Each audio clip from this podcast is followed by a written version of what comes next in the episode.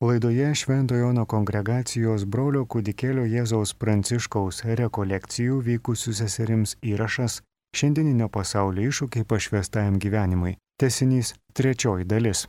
Kitas klausimėlis, kur dinksta Jėzus, kai sausra ir tamsa? Jėzus niekur nedingsta. Jis visada yra ir jis visada yra manyje. Jis yra manyje per savo malonę. O sausra ir tamsa taip pat yra malonė. Taigi Jėzus yra sausroje ir tamsoje. Labai neįprastas mums Jėzaus artumo būdas, bet iš tikrųjų jis yra toks. Mes esame įpratę Jėzų jausti ateinantį su paguoda, su ramybė, su daug šviesos. Bet Jėzus ateina taip pat ir per tamsą, ir per sausrą, ir per šaltį. Nes ir viena, ir kita yra skirta mūsų šventumui, mūsų augimui, mūsų dvasiniam augimui. Ir šiaip jau tos jaučiamos malonės, jos yra nenormalios, nenatūralios, nes Dievas yra dvasia, o dvasia kaip tokia yra nejaučiama. Jaučiame tik tai medžiaginius dalykus arba aistrinius, jausminius dalykus susijusius su kūnu, nes jausmai yra kūne, jausmai nėra mūsų dvasioje, jie yra mūsų kūne. Vadinasi, jeigu Dievas yra dvasinis, kaip, vadinasi, kaip toks nejaučiamas, yra normalu, kad mes nejaučiame Dievo. Ir yra nenormalu, kai jaučiame nejaučiamą Dievą. Bet kadangi jisai žino, kokie mes esame silpni, kad mes esame tik kūnas ir kraujas ir kad mums būtinai reikia pajusti, nors kartais, tada jis mums duoda pajusti. Bet tai yra išimtis. Tikriausiai pastebėjot, kad tai yra išimtis. Kad negyvename metų metais, diena iš dienos jausminėmis malonėmis.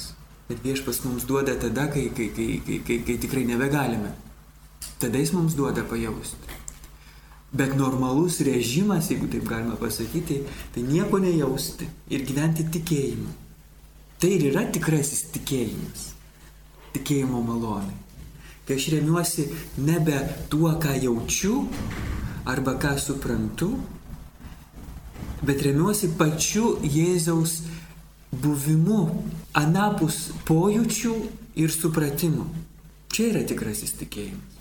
Ir tada, kai, ateina, kai Jėzus ateina sausroje ir tamsoje ir šaltyje, tada yra tikrasis tikėjimo praktikavimas. Kai aš gyvenu tik tikėjimu, nebe jausmais, nebe su tuo, ką suprantu, bet tikru tikėjimu.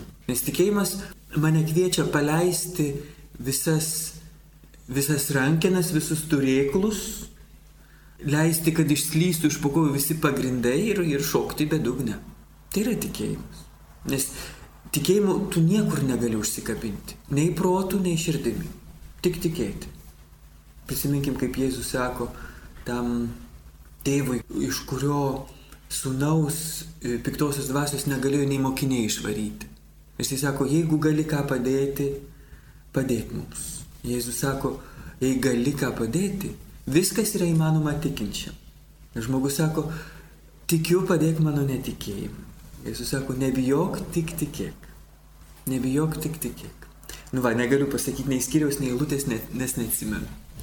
Dažnai tai bus, kad aš prisiminsiu kažkokią tai ištrauką, bet, bet pasakyti negalėsiu kur. Čia jums reikės pačioms ieškotis, čia bus namų, namų darbas tarp, tarp konferencijų. Taigi Jėzus niekur nedingsta, jis, jis netgi dar labiau yra sausroj ir tamsoj, dar labiau yra pagal jam tinkamą e, būdą. Nes kai jis yra šviesoj, paguodoj ir jausminiai maloniai, jis yra pagal mums labiau tinkamą būdą. Bet, bet ne pagal jam labiau tinkamą būdą. Jis, jis tokiu būdu prisitaiko prie mūsų. O kai jis ateina per sausrą ir, ir tamsą, jis mus pradeda po truputėlį pritaikyti prie savęs. Mus iškelia iš mūsų įprastinių šiltnamio sąlygų, jeigu taip galima pasakyti. Kai mes kaip, kaip kačiukai ant krosnės murkiame ir esame labai patenkinti, kai Jėzus mus guodžia ir, ir apipila visokiom jausminėm malonėm ir šviesom ir tada galim gulėti ant tos krosnės ir murkti. Bet kai viešpats ateina sausroji tamsoji, mes tada turim kaip prisimti kitokią laikyseną, kaip kačiukas, kuris yra jau nebe ant krosnės, bet pievoj ir ištempęs ausis ir akis ieško, kur ta pelytė yra. Budri laikysena.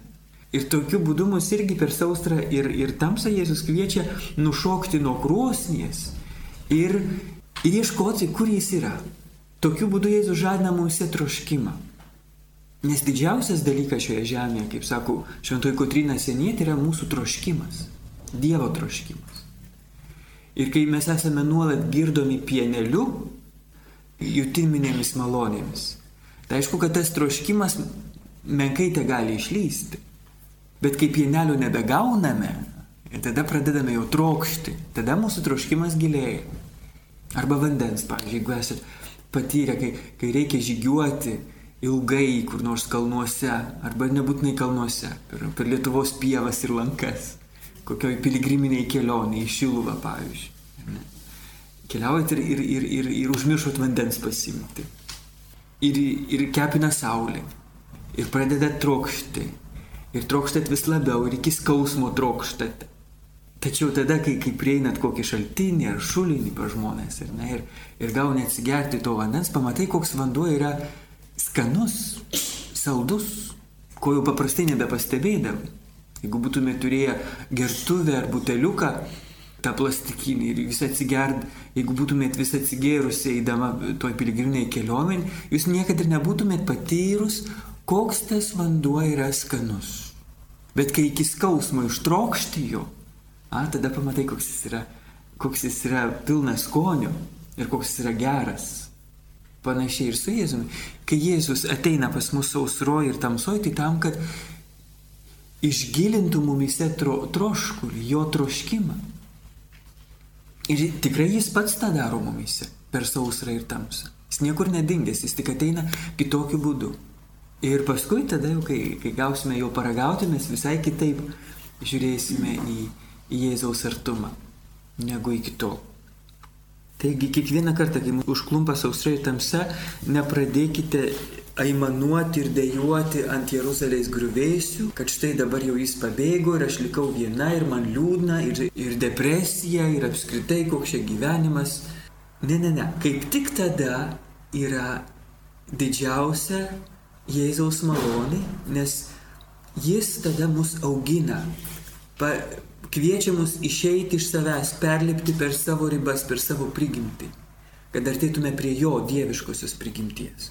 Tai yra tikrai didelė malonė. Ir tai reiškia, kad Jėzus pradeda jumis pasitikėti rimtai, kad jūs jau galima pradėti maitinti kietesnių maistų, o ne vien tik pieneliu. Kad jūs jau galima, kaip mama vaiką, ne, kur nešioja ir čiučiuoja ant, ant rankų ir paskui ateina laikas, pastato jį ant žemės. Ir ne tik pastato, bet sako, dabar reik pats. Bet nai mama yra čia pat. Jeigu vaikas grūtų, to įpačiuptų. Taip ir Jėzus mus paleidžia tam, kad mes pradėtume patys eiti link jo, savo jėgom. Aišku, iš pradžių vaikas e, bliauna, jam reikia atsisėsti po vieno žingsnio ir panašiai, taip yra su mumis. Bet po truputėlį, po truputėlį Jėzus moko mus perlipti per savo prigimtį ir, ir pradėti gyventi tuo, ką Šventasis Petras savo pirmam laiškė vadina dalyvavimu dieviškojoje prigimtyje. Mes esame dieviškosios prigimties dalininkai. Mes pašaukti į dvasinę dieviškąją prigimtį, kur yra anapus mūsų jausmų ir mūsų pojūčių, mūsų protų supratimo ir taip toliau. Tai va, kai tik tai užklumpa sausrai tamsa arba Jėzus sausrai tamsoje, iš karto pradėkite padėkodami jam. Padėkodami jam pirmas dalykas. Antras dalykas, gingdievę nesiblaškykite. Ir nesirūpinkite ir nesijaudinkite. A, kas dabar bus Jėzus dingo. Niekur jis nedingo ir nieko čia nebus. Jūs ramiai sėdėkit ir laukit. Ramiai sėdėkit ir laukit. Jisai pasislėpė, tai ir jūs slėpkitės. Jisai nutilo, tai ir jūs tylėkit. Kaip šeimoje, kas, kas ilgiau ištylės. Palenktyniaukit šitaip su jais. Ramiai. Žinau, va, ir su šituo giliu tikėjimu, kad jis niekur nedingo. Nors aš jo ir nebejaučiu, ir nebematau, ir nebepat. Bet jis niekur nedingo. Jis nutilo, kad ir aš tylėčiau. Ir jis pasislėpė, kad ir aš pasislėpčiau. Iš karto klausimas, ta pačia kryptimi, kaip atskirti šaltį sausrą nuo apsileidimo, rutinos ir ištižimo. Apsileidimas, rutina ir ištižimas visada jos būdingi bruožai tai yra žvilgsnis į save.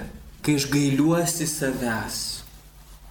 Varkšelė tu mano, kaip tau sunku gyventi kaip tave seseris nemyli, kaip tik ir žiūri, kaip tau įkasti. Ir koks liūdnas tas gyvenimas, net televizoriaus nėra mūsų vienuolynė.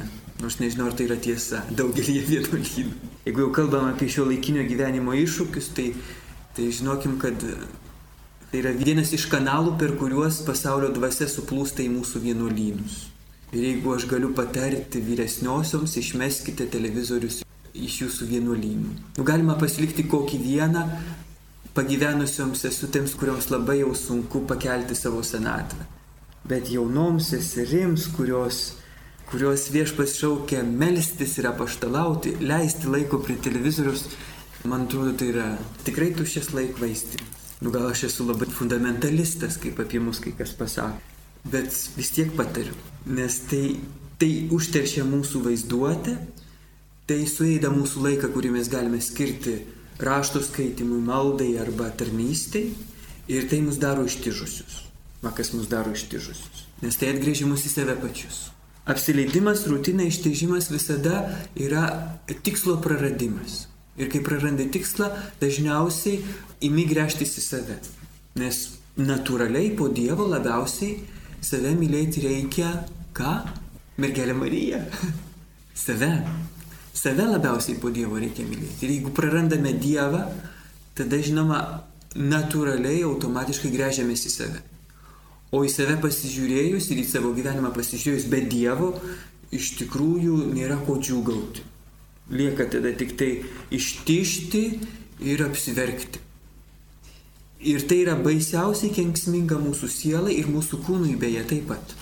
Nes kai siela ištižusi, tai ir, ir, ir kūnas ištišta tada. O šaltis ir sausra, jis, jis būtent ir, kaip sakiau, jis yra ramybėje. Ne jausminėje ramybėje, kurią mes patiriame paprastai, kai būna paguoda, bet tikėjimo ramybėje, laukime. Laukime visiškai atsigražus į tą tamsą, iš kurios, žinai, turi ateiti Jėzus. Per kurią turi ateiti. Aš ir toliau lieku visas atsigręžęs į jį. Net jeigu jo ir nebejaučiu ir ne, nebematau savo, savo protų, aš lieku atsigręžęs į jį. Ir tada apsileidimas, rutina, rutina ištižimas man iš tikrųjų nėra mano, kaip pasakyti. Tai nėra pirmiausiai mano dėmesį prikaustantis dalykas. Mano dėmesys ir toliau lieka susirūpinimas Jėzumi. Ir, pavyzdžiui, gali kilti tokia pagunda, a, va, aš Dievo nebemyliu. Aš Dievo nebemyliu, nes jau čia man niekas nebesigauna ir, ir saustra, ir šaltis ir taip toliau. Ir tada jūs labai dėl to kankinatės ir graužėte save. Ir tai reiškia, kad jūs Dievą labai mylite. Nes jeigu jūs jo nemylėtumėt, jums būtų visiškai vienodai, kokia yra jūsų laikysena jo atžvilgiu. Ir jeigu jūs graužėtės, kad jūsų laikysena netokia, kokios jūs norėtumėt, tai yra įrodymas, kad jūs įmylite, kad jis jums rūpi. Ir kad jums rūpi, ką jis galvoja apie jūs. Jeigu jums rūpi, ką jis galvoja apie jūs, tai reiškia, kad jis, jis jums rūpi. O jeigu nerūpėtų, tai jūs visiškai dėl to nesijaudintumėte ir nesigriauštumėte. Jūs tada žiūrėtumėte televizorių, eitumėte į barą ir dar nežinau kur ir visiškai dėl to nesigriauštumėte. Bet Jėzus jums rūpi ir kuo labiau jums rūpi, tuo labiau jums skauda dėl to. Vadinasi, tai, tai yra ženklas. Kuo labiau jums skauda, tuo labiau vadinasi jūs jį mylite. O apsileidimas, rutina, ištižimas, sakau, svarbiausias dalykas tokiu atveju - tučtuo jau nusigręžti nuo savęs ir saugoti savęs pasigailėti. Nes tai yra, tai yra tikras dvasinis maras savęs gailėtis. Nes kai pradedi savęs gailėtis, tai iš tikrųjų tada nebeverta kelti kojos iš lovos. Gulėti ir gailėti savęs, kol numirsi iš gailėšių. Reguloje įsakyta 30 minučių mąstymo ir vyresnėji liepia atlikti jūsų minėtą siaurąją prasme, ar galima siūlyti tas 30 minučių išnaudoti mąstymui tą plačiąją prasme, vidiniai maldai ar ieškoti kitų 30 minučių. O gal galima tai be prašymo regulos 30 minučių mąstymą atlikti vidinės maldos būdu. Kas svarbiau, tyla ar gailestingumas apskritai? Gailestinga tyla arba tylus gailestingumas. Tai nėra vienas kitam prieštaraujantis dalykai. Anaip tol jie vienas kitą papildo. Pavyzdys. Pavyzdžiui. Jei dėl senatvės sesutė nebeprigirdi ir garsiai sukalba per tylos laiką, ar pateisinamos jie išsakomos pastabos, kad laikytųsi tylos. Aš čia prisimenu istoriją iš, iš mūsų teologijos studijų namų. Pas mus gyveno toksai amžinatelis tėvas Paul Dreyfus, vienas iš labai garsių e, švento rašto į prancūzų kalbą vertėjų, atsivertęs žydas e, dominikonas. Jis buvo dominikonas ir ir ilgai dėstė mūsų broliams mūsų teologijos studijų namuose ir paskui jam atsitiko ta, tokia nelaimė, kad jisai lipdamas bibliotekoje kažkur į palubės ieškoti kažkokios knygos, nukrito nuo, nuo tų kopiečių ir liko pusiau paralyžiuotas, kaip čia dabar lietuviškai. Taip, pusiau paralyžiuotas liko. Ir kai jau broliai dominikonai norėjo jį įkišti kažkokius senelių namus, jis pasakė, ne, aš lieku su šventojo nuo broliais. Ir jisai liko pas mus iki mirties, Jis ir toliau dalyvaudavo paskaitose, tai du broliai paimdavo jį už rankų ir užneždavo į antrą aukštą į tą studijų salę.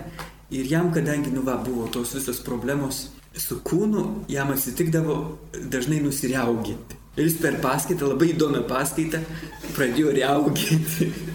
Ir tada vienas brolis, vienas jaunas brolis, nebeiškentė, sako, bet tėvė Dreifius, nemandagu šitai. O jisai sako, Taigi netyčia. tai va, lab, čia irgi mums reikia prisiminti, kad tai, kas mums atrodo nemandagu, nenatūralu ir taip toliau ir taip toliau, senam žmogui tai atsitinka visiškai netyčia, sakykime, kaip ir šitas sukalbėjimas ar ne per tylos laikas. Galima išsakyti tas pastabas, bet to, nuo to niekas nepasikeis. Ir kai išsakanti pastabas pasens, jai irgi reikia sakyti pastabas. Tai aš manyčiau, kad reikia iš tikrųjų tiesiog kantriai ir nuolankiai pakesti šitą, kaip, kaip apaštas Paulius moko, vėl nepasakysiu nei skyrius, nei lūtės, mokėkime vieni kitų naštas su meilė nešioti. A tai yra tikrai meilės naštos. Čia reikia paprasčiausiai sveiko proto. Jeigu matom, kad senas žmogus sukalbėjo iš senatvės, nu tai čia yra tas pats kaip vėją sustabdyti. Pasakyti jam pūsti kitą pusę. Tai nebandykim pakeisti to, ko nebeįmanoma pakeisti. Tiesiog sume... priimkime, čia irgi proga mūsų meiliai, broliškai meiliai ir gailestingumui. Bet kai, kai galime nujausti arba numanyti, kad sesuo gal net ir visai nebesena, sukalba visai ne, ne ar ne? Tai čia žinoma, kad jau reikia pataisyti. Bet irgi taisyti reikia taip, kaip moko Jėzus Evangelijoje. Pirmiausia, eiti kalbėti prie keturių akių. Gink Dievę, ne, nepulti taisyti visų seserų akivaizdui.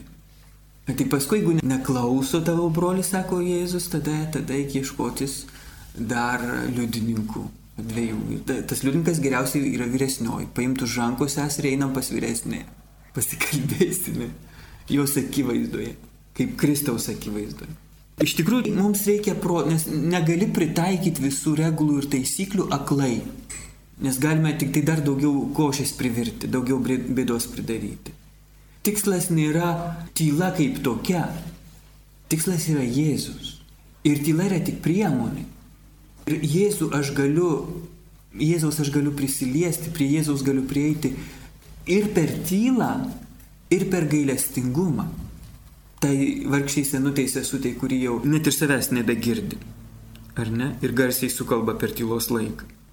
Ir tokiu ir tokiu būdu aš galiu prisiliesti Jėzaus. Bet kartuoju, dar reikia mums proto, kad suprastume, kad ten, kur jau nieko nebepakeisti, reikia gailestingumo, o kur dar gali pakeisti, irgi reikia gailestingumo pasakyti.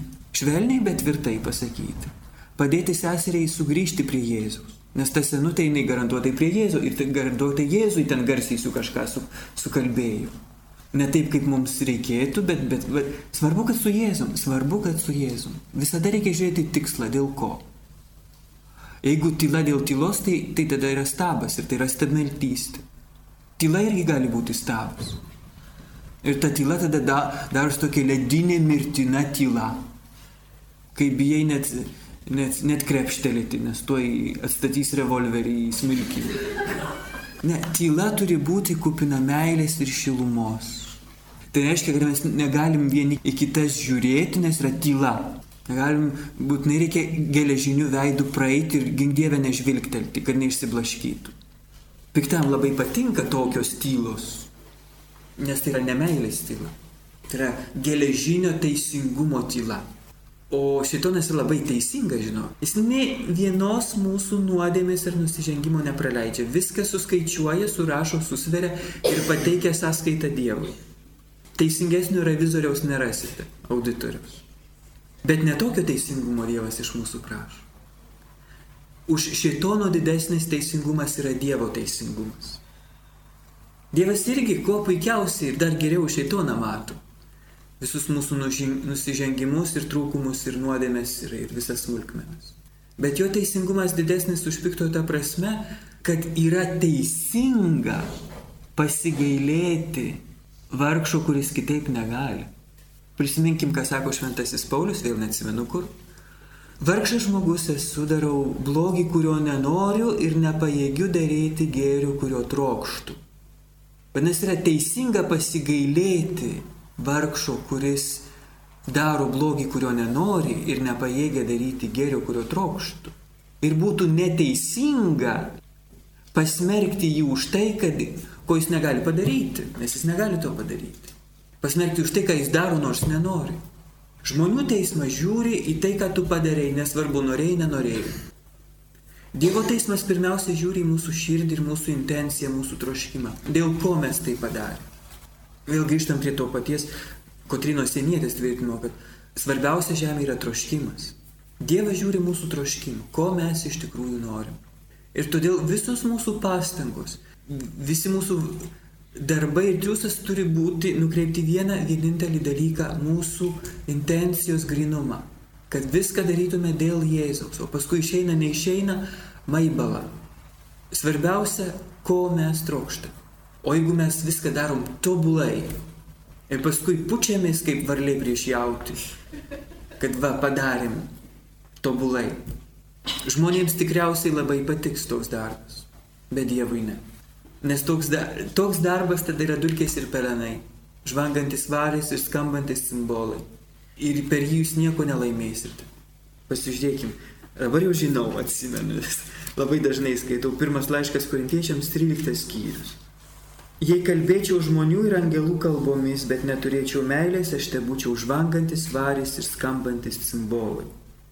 Kas iš to, jeigu kalbėsi visom antikiniam kalbom - lotynų, graikų, hebrajų, italų, prancūzų, vokiečių, lenkų, rusų ir lietuvių dar labai gerai sukirčiuodamas. Bet jeigu tai bus be meilės, nieko iš to naudos. Jei turėčiau pranašystės dovaną ir pažinčiau visus slėpinius ir visą mokslą, jei pažinčiau visus slėpinius ir visą mokslą, turėčiau filosofijos daktaratą, teologijos daktaratą, medicinos daktaratą, kanonų teisės daktaratą ir dažnai žinau kokių daktaratų, bet jeigu neturėčiau meilės, aš būčiau niekas. Jei turėčiau visą tikėjimą, kad galėčiau net kalnus kilnoti, tačiau neturėčiau meilės, aš būčiau niekas ir išdalyčiau vargšams visą, ką turiu. Įsteigčiau visokias prieglaudas ir darželius ir mokyklas ir, ir net jeigu atiduočiau savo kūną sudeginti, kitaip sakant, tapčiau kankiniu ir ne šiaip kokiu kankiniu, bet tokiu kaip, kaip Žana Dark, atiduočiau savo kūną sudeginti, bet neturėčiau meilės, nieko nelaimėčiau. Štai kas yra svarbiausia mūsų gyvenime - meilė. Ne tyla svarbiausia, bet meilė. Ir meilė tada išprovokuoja tylą. Meilės tylą. Tada mes galime tyloje su meile viena į kitą pasižiūrėti, viena kitai nusišypsoti ir tarp kitko dar geriau, kai tyloje, nes, nes kalba yra nesusipratimų šaltinis, o tyla nėra nesusipratimų šaltinis. Tyla yra meilės šaltinis, jeigu negyvenama šitokia intencija. Meilė yra svarbiausia. Ir tyla ir gailestingumas turi būti iš meilės. Va, tai aš tikiuosi, kad bent, bent truputėlį nurodžiau kryptį, kaip reikėtų su ta sesute nebeprigirdinčia gyventi. Meilėje, meilėje reikia gyventi, kantrybė ir nuolankume.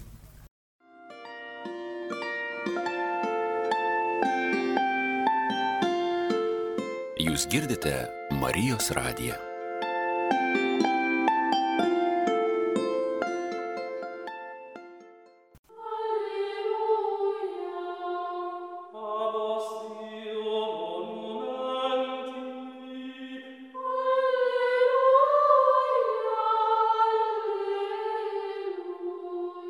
Eterija laida Šventojono valanda. Girdite Šventojono kongregacijos brolio kudikėlio Jėzaus Pranciškaus rekolekcijų vykusių seserims įrašą šiandieninio pasaulio iššūkiai pašvestajam gyvenimui.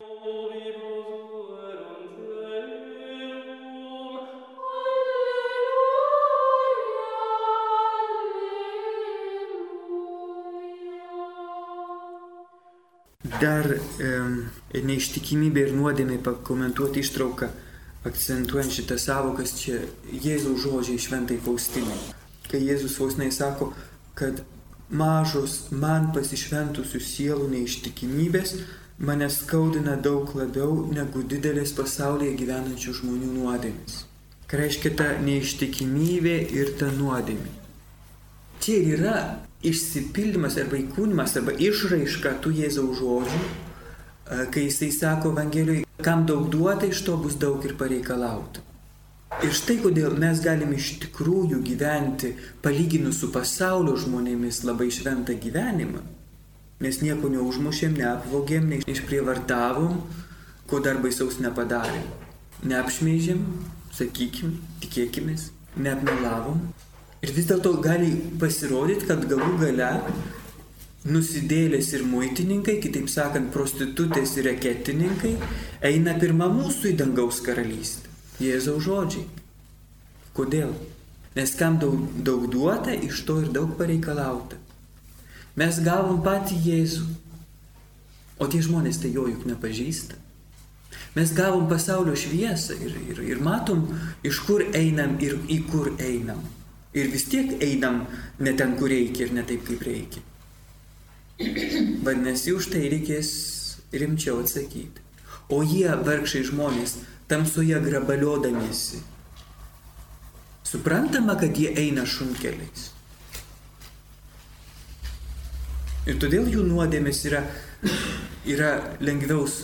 Čia yra panašiai kaip su ta senute sesute, kuri nebeprigirdi. Panašiai.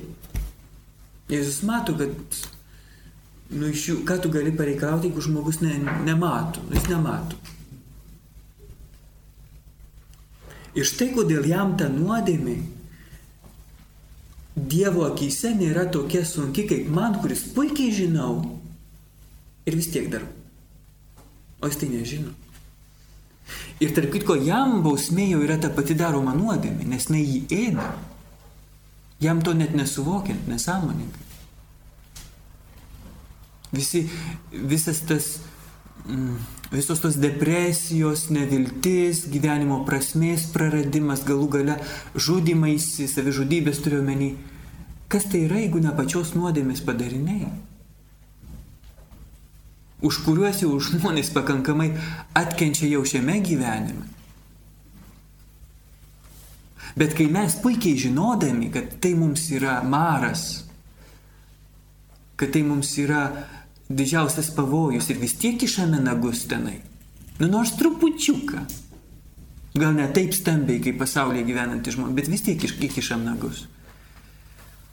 Nors puikiai žinom, kad tai yra mirtinai pavojinga. Aišku, kad Jėzų tai labai skaudina, nes tai reiškia, kad mes juo nepasitikim.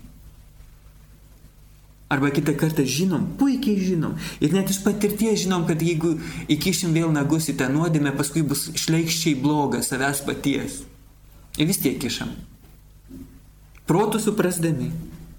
Nu, nors trupučiuką. Ir todėl šitos neištikimybės, kurios yra šviesoje, suprantant, ką darome, Jėzus skaudina daug labiau. Jo labiau, kad mes savo įžadais prisižadėjome, pažadėjome jam, prisiekime priklausyti vien tik jam. O pasaulyje gyvenantys žmonės niekam nieko nepažadėjo. Mes turim evangelijas, mes turim raštus, mes turim bažnyčios mokymą, turim ganytojus, turim vadovus, turim sakramentus, mes tiek visko turim. O jie tai nieko ne, tik sąžinė.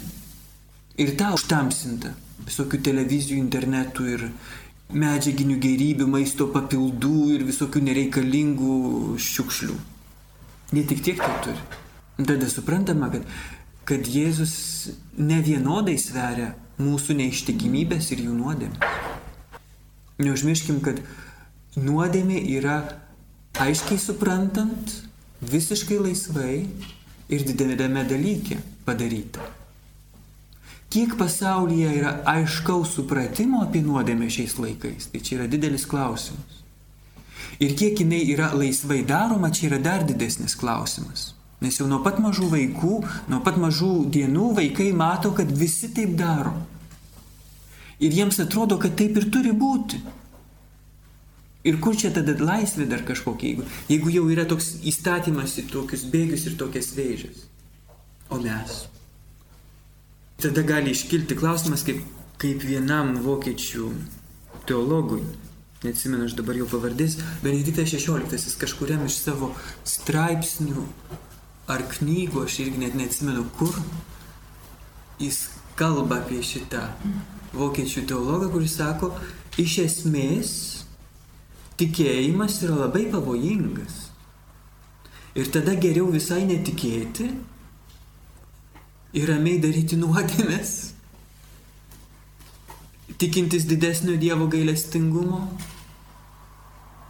negu turėti tikėjimą, turėti visą pažinimą ir šviesą ir vis tiek nusidėti ir, ir, ir, ir pražūti paskui.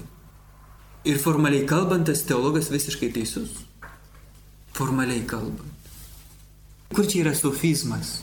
Kur čia šuo pakastas? Kodėl šito teologo mąstymas yra neteisingas? Nes mūsų tikėjimas nėra pirmiausiai formalus. Jis nėra pirmiausiai formalus. Mūsų tikėjimą mes galim pirmiausiai suprasti tik tai tikslo šviesoje. Ir tikėjimo tikslas yra tam, kad mes būtume laimingi, kad mes mylėtume. Ir tada, kai myli, gali daryti, ką nori. Kai tikrai myli, gali daryti, ką nori. Nes meilė siekia vienintelio dalyko - tikro gėrio. Ir tada faktas, kad mylėdamas tu sieksi tik tai tikro gėrio. Ir todėl tikėjimas anaip tol nėra sunkus kryžius užkrautas ant mūsų pečių, kad mus pražudytų. Priešingai, tai yra ramentai mums klipatoms, kad mes greičiau nueitume į dangų. Štai kas yra tikėjimas. Nes jeigu į jų žiūrime tik tai formaliai, vėl prisiminkim Jėzaus žodžius Evangelijoje. Jeigu jūsų teisumas nebus didesnis už fariziejų rašto aiškinto, jūs neįeisite į dangaus karalystę kaip tragiškai skamba. Pažiūrėkime, ką mes darom su savo sekmadieniais, ką mes darom su savo penktadieniais, ką mes darom su savo regulom. Formaliai, jeigu jau žiūrim formaliai. Ir palyginkim su fariziejais ir ašto aiškintojais, kas buvo šventoji žemėje, ypač šabo metu galim pamatyti, koks yra skirtumas tarp mūsų katalikiškos Lietuvos sekmadienį ir žydų šabo Izraelyje. Nei gyvos dvasios, Tik tai krikščionis eina gatvė. Negyvos dvasios. Visur viskas sustoja. Žydai švenčia šalą. Ir kai tada prisimeni Jėzaus žodžių, jeigu, žodžius, jeigu jūsų teisumas nebus didesnis negu rašto aiškintų verzijų, neįsite į dangaus karalystę, jeigu žiūrim tik iš šitos formalios pusės, nu tai mes pralošę, visiškai juodai pralošę šitose teisumo varžybose. Bet teisumas nėra pirmiausiai formalu, formalus įsakymų laikymasis. Teisumas kyla iš meilės, kuri žvelgia į tikslą, į Jėzų. Yra vienas vienintelis teisumas, kuris gali pranokti fraziejų ir rašto aiškintojų. Tai paties Jėzaus teisumas. Mes mes visiškai atsilikę, nepavyjamai atsilikę nuo fariziejų ir rašto aiškintų formalia prasme. Nes jie laikosi visų, visų, visų Dievo įsakymų. O mes tik tai Jėzus savo teisumu gali juos pranokti. Ir Jėzaus teisumas yra palaiminimai, palaiminimų dvasia, kuriuo jis pilnutiniausiai gyvena ant kryžiaus. Vadinasi, ir mūsų teisumas gali būti didesnis negu fariziejų ir rašto aiškintojų tada, kai mes Jėzui leisime mumise gyventi jo teisumą, nebesiremdami ir nebedėdami vilčių į savo teisumą, kuris yra visiškai atsilikęs net nuo fariziejų, na kalbant apie Jėzaus. Ir jeigu Jėzaus teisumas pilnutinai e, suspindi ant kryžiaus, kad gyventume Jėzaus teisumu, kuri, kuris yra palaiminimai, mes turime leisti jam mumise gyventi savo kryžiaus lėpinį. Ir tik tada mūsų teisumas bus didesnis už fariziejų rašto aiškintų, nes tai bus nebe mūsų teisumas, bet, bet paties viešpaties Jėzaus teisumas. Ir dabar neužmirškim dar kito labai svarbaus dalyko, kad kryžius nėra pirmiausiai mirtis, kančia ir skausmas. Tai mes pirmiausiai matome ir patiriame kryžiuje, kai žiūrim į šitą kryžių, pavyzdžiui, ar ne? Pirmiausiai mes matome natūraliai pagal savo prigimtį kančią, skausmą ir, ir mirtį. Bet pats savaime kryžius pirmiausiai yra šlovės apreiškimas, Dievo šlovės, jo meilės pergalės apreiškimas. O šitą mes matom daug sunkiau. Ir kuo silpnesnis mūsų tikėjimas, tuo mažiau jo matome. Ir jo iš vis neturime, iš vis jo nematome. Ir tada matome tik tai kančią, skausmą ir mirtį, kas yra bloga, o blogas dalykas yra blogas ir tu čia nieko nepakeisi ir tada priešais kryžių puoliai nevilti ir, ir, ir jautiesi, kad daužai galvą į sieną ir tik tai prasiskelsi galvą ir nieko daugiau. Bet jeigu aš turiu tikėjimą, aš matau, kad tai yra vartai išlovę, per kuriuos į mane, į mūsų pasaulį spindi Dievo šviesa. Ir kad eidamas per tuos siaurus vartus, aš tiesiausių kelių nueisiu į, į šviesą išlovę. Aišku, kad kol pereisi, tai, tai, tai, tai gali tekti kentėti. Ir net tik gali, bet ir teks kentėti. Čia yra panašiai prieš 15 metų, dar kai nebuvau vienuolyną. Su kompiuteriniu žaidimu, kai žaidži labirintais tokiais ir ten labirinte yra tokie peiliai, eini čiakšt, Čia, ir turi, turi pereiti. Jeigu, jeigu nespėjai pereiti, čia ir perpjauna tave tie peiliai. Tai yra kažkas panašaus yra su, dabar yra dar baisesnių tikriausiai tų žaidimų. Jau dabar nebežaidžiu. Ir kryžius yra kažkas panašaus, mes esam prieš tą kryžių suparalyžiuoti, nes matom jį kaip, kaip va, tokį peilį, kuris mus perpjaus. Bet yra vienintelis būdas pereiti į kitą labirinto pusę. Išeiti iš to labirinto. Ir tada mes bijom. Bet jeigu einam, tai tas peilis apipjausto mūsų širdį. Jis mus apvalo, apipjausto mus kaip vynmedžio šakelės, kad neštume daugiau vaisių. Ir jau per tai, jau dabar šioje žemėje mes imame dalyvauti Dievo šlovyje, kuri yra meilė. Dievo gyvenimas yra meilė. Ir tiek, kiek mes gyvename meilę, tiek jau dabar gyvename Dievo šlove. Ir kadangi mes nesame meilė savo būtimi, bet savo būtimi mes esame egoistai, tai absoliučiai nemoralinis kažkoks nuosprendis, bet natūralus, tai nėra automatiškai bloga, kad mes esame egoistai, bet taip yra, mes taip esam sukurti. Mes, pavyzdžiui, negalim už kitus pavalgyti, negalim už kitus išsimiegoti, negalime už kitus sušilti. Yra kažkas, kas yra radikaliai, fundamentaliai egoistiška, nukreipta tik į save ir tu negali to padaryti už kitus. Tik už save. Ir dėl savęs. Ir kad šitas mūsų būčiai natūralus dalykas būtų perplėštas ir iš jo galėtų ištrykšti ta dieviška prigimtis, kur yra buvimas vien tik dovana kitam, reikia būtinai tą apvalkalą perplėšti. Ir tai yra kryžiaus tikslas. Kryžius yra, yra įrankis, kaip perplėšti tą mūsų kirmėlišką kokoną, kad iš jo išskristų drugelis. Taip ir liekam kirmėliai. Jeigu aš paklausčiau jūs, ką jūs galėtumėte veikti su mylimu žmogumi per 28 minutės, jūs aišku pasakysite, kad tai yra durnas klausimas. Ir jūs busit visiškai teisi. Nes su mylimu žmogumi tu neskaičiuoji minučių ir tu nepastebi, kaip jos jau pralėki. Ir nežmoniškai greitai. O pavyzdžiui, su kokiu nors labai bjauriu ir nemaloniu ir neįdomiu žmogumi, tos 28 minutės yra kaip 3 valandos ir tu skaičiuoji ir nesulauki, kada jos pasibaigs. Ir čia mums reikėtų pasižiūrėti, o kaip yra su mūsų malda. Ar jos mums pralekia nepastebimai, ar mes tiesiog skaičiuojame kas pusę minutės pasižiūrėdami, kiek dar liko laiko. Jeigu skaičiuojame, yra problemas mūsų santykė su Jėzumi. Nes čia mums reikia pirmiausiai, ką mes galime mylėti. Mes galime mylėti tai, ką pažįstame. Nepažįstamo žmogaus mes mylėti negalime, sutinkat? Mes turime jį nors trupučiuką pažinti. Nors trupučiuką. Aišku, tai pilnutiniausiai įsipildo, kai mes susitinkame su žmogumi, kai pasikalbame su juo, kai pamatome jo gerasias savybės, jo geruosius būdo bruožus, jis pamato mūsų ir tada tai po, po truputėlį, po truputėlį, arba kitą kartą tiesiog iš pirmo žvilgsnio prasideda meilė. Ir tada nebegali apsėti be to žmogaus ir, ir tada reikia būti su juo ir, ir, ir, ir nepastebi, kaip tas laikas bėga ir taip toliau ir panašiai. Bet mylėti mes galime ir nebūtinai susitikę žmogų ir pažinę jį per tiesioginį bendravimą. Nes jūs galite pasakyti, gerai, mūsų prigimtis yra tokia, kad mes galime mylėti tik tai, ką pažįstam ir taip, kaip aš dabar pasakiau. Bet kaip Dievą pažinti taip, kad jį mylėtume? Jisgi yra dvasia, jis kūno neturi, jo negali susitikti, va taip, kaip aš dabar jūs matau. Ir su juo pasikalbėti taip, kaip mes galim pasikalbėti. Ką tada daryti? Ir būtent todėl, būtent todėl Dievas prisitaiko prie mūsų, tapdama žmogumi, Jėzumi Kristumi.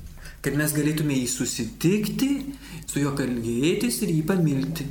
Bet yra kita problema. Mes galim suprasti, kad prieš 2000 metų Petras, Jonas, Magdalietė, mergelė Marija, šventosios moteris, apaštalai, kiti mokiniai galėjo mylėti Jėzų, nes jį buvo sutikę realiai. O mes po 2000 metų, Jėzus juk dabar dangui, su kūnu ir siela.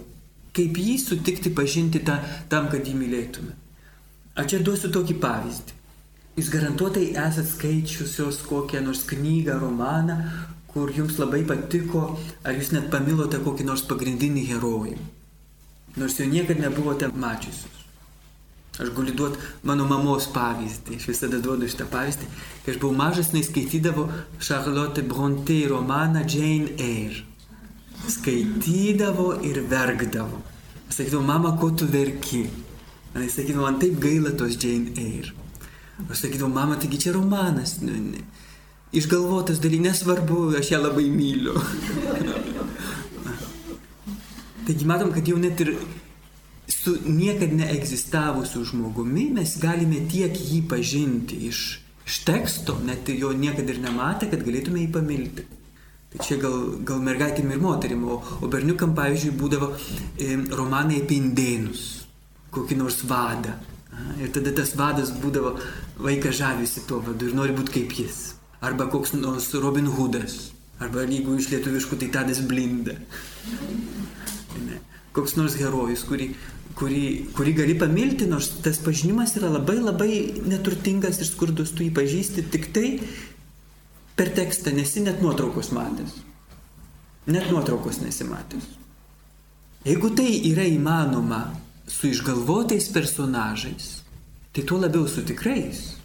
Pavyzdžiui, kai skaitai apie kokį nors šventai, sakykime, šventai Pranciškų, jo gyvenimą skaitai. Arba kokią šventą kūdikėlio Jėzaus teresėlę. Arba išsirinkite tą šventąjį, kurį labiausiai mėgstate, mylite. Ir kai skaitai jo gyvenimą, kodėl, kodėl tave taip traukia?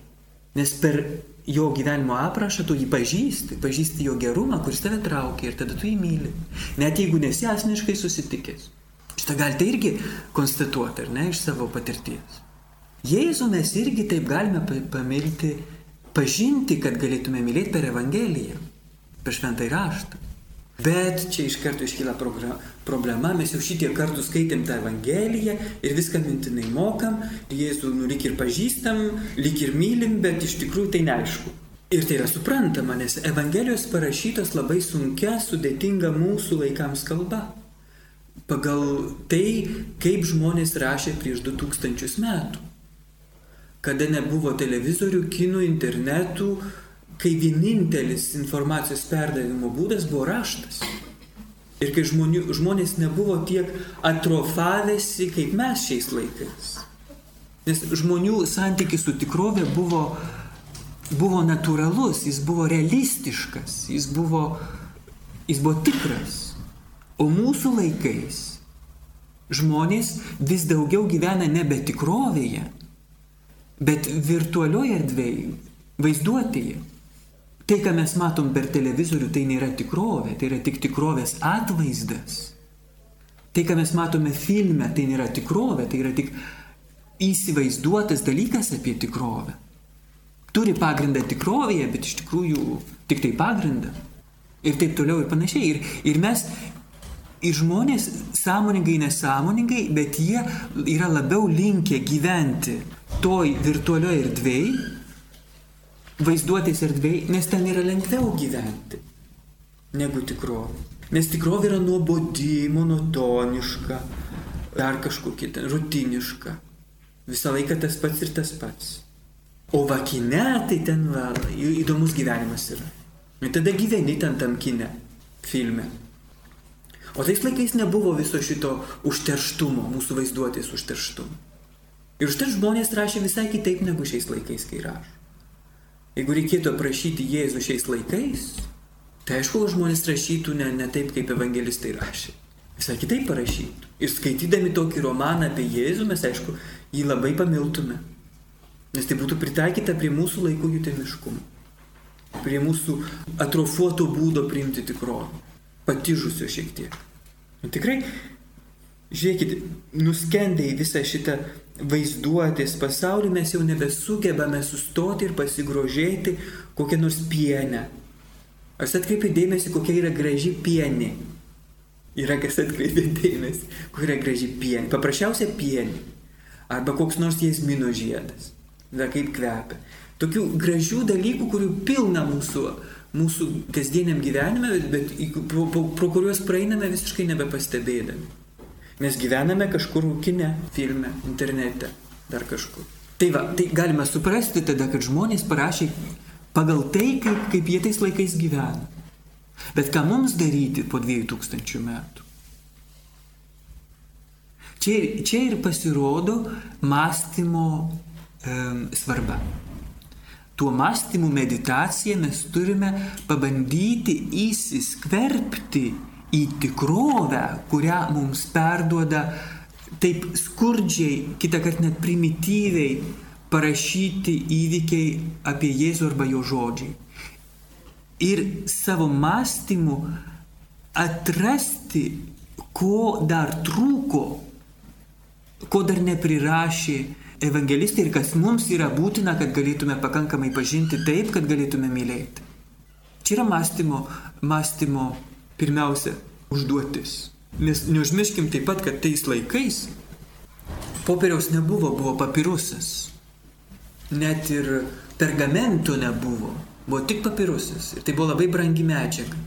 Ne taip kaip mes dabar užrašom tris žodžius ir metam iš šiukšlių dėžę popierių. Nu gal ne mes, bet sakykime kur nors įstaigose, visokiuose biuruose verslininkų ir panašiai. Švaistimas baisus iš tikrųjų, o tais laikais kiekvienas milimetras buvo brangus. Ir už tai evangelistai rašė tik tai, kas yra svarbiausia. Kad kuo labiau sutilptų, kuo mažiau išnaudotų tos brangios medžiagos. Ir štai kodėl nėra nei vieno nereikalingo žodžio Evangelijoje. Jeigu mums atrodo, kad kažkoks žodis yra nereikalingas, kad čia, nu va, parašė maždaug ir čia visai nebūtinas dalykas. Pavyzdžiui, imkim tokį pavyzdį, kai Jonas pasakoja, Jonas, man atrodo, pasakoja e, apie tai, kai Jėzus padaugino duoną, liepė visi, e, mokiniams visus susodinti ir parašo tokią frazę. Ten buvo daug žolės. Atrodo, nu, labai čia svarbu, buvo to žolės ar nebuvo. Arba kai Judas jau ten, Jėzus sako, Darai, daryk greičiau, judas išeina ir Jonas vėl prirašo, buvo naktis. Nu koks čia skirtumas naktis ar diena? Išėjo išduoti, tai yra svarbiausia. Bet šitie visi dalykai yra nepaprastai svarbus. Nes jeigu raštą reikia aiškinti pačiu raštu, jeigu mes prisiminsime berots 21 psalmę, ar ne? Mane viešpats gano, jis mane vedo, kur vešlios ganyklo žaliuoja. Ir tada iš karto šita, šitas trumpas sakinukas, ten buvo daug žolės, įgauna visiškai kitokią prasme. Vadinasi, Jėzus yra tas viešpas, kuris mane gano ir veda mane, kur vešlio ganyklo žaliuoja. Buvo naktis, ne, tamsybių laikas. Mums irgi iš karto parodo dvasinę simbolinę šito įvykio prasme. Kad atėjo tamsybių valanda, tai yra Jėzaus valanda, jo išdavimo, jo mirties ant kryžiaus, jo kančios valanda. Štai ką reiškia tas trumputis sakinukas buvo naktis. Jis turi savo prasme. Ir čia yra reikalingas tas mąstymas, kad mes įsiskverbtume ir, ir, ir atkapstytume visą, kas, ko trūksta mūsų šio laikiniam supratimui, kad, kad galėtume pilnutinai pažinti. Čia yra mąstymo, mąstymo svarba. Bet to neužtenka. Paskui mes turime žengti kitą žingsnį. Juk pažįstame tam, kad mylėtume, o ne vien tik tai, kad pažintume ir pažintume ir pažintume ir pažintume ir pažintume. Jeigu jums reikia mąstyti tą siaurąją prasme, nes tai parašė regulų 30 minučių, vis pažinti ir pažinti ir pažinti ir pažinti, o kada jūs tada mylėsite Jėzų? Ir jūs ką tik skaitėm pirmam laiškė kurintiečiam. Jeigu aš turėsiu visą pažinimą, visą pažinimą, visą Jėzaus pažinimą, bet neturėsiu meilės, šnipštas. Svarbiausias dalykas yra meilė kad aš mylėčiau. Vadinasi, mąstymas yra tik tai kaip, kaip raketa nešėja. Iškelia mane ir paskui paleidžia į orbitą, į meilės orbitą, o jau meilė jau, jau paskui, paskui jau ta raketa gali pradėti maišyti. Girdėjote Šventojo Jono kongregacijos brolio kūdikėlio Jėzaus Pranciškaus rekolekcijų vykusių seserims įrašą šiandieninio pasaulio iššūkiai pašvestajam gyvenimui.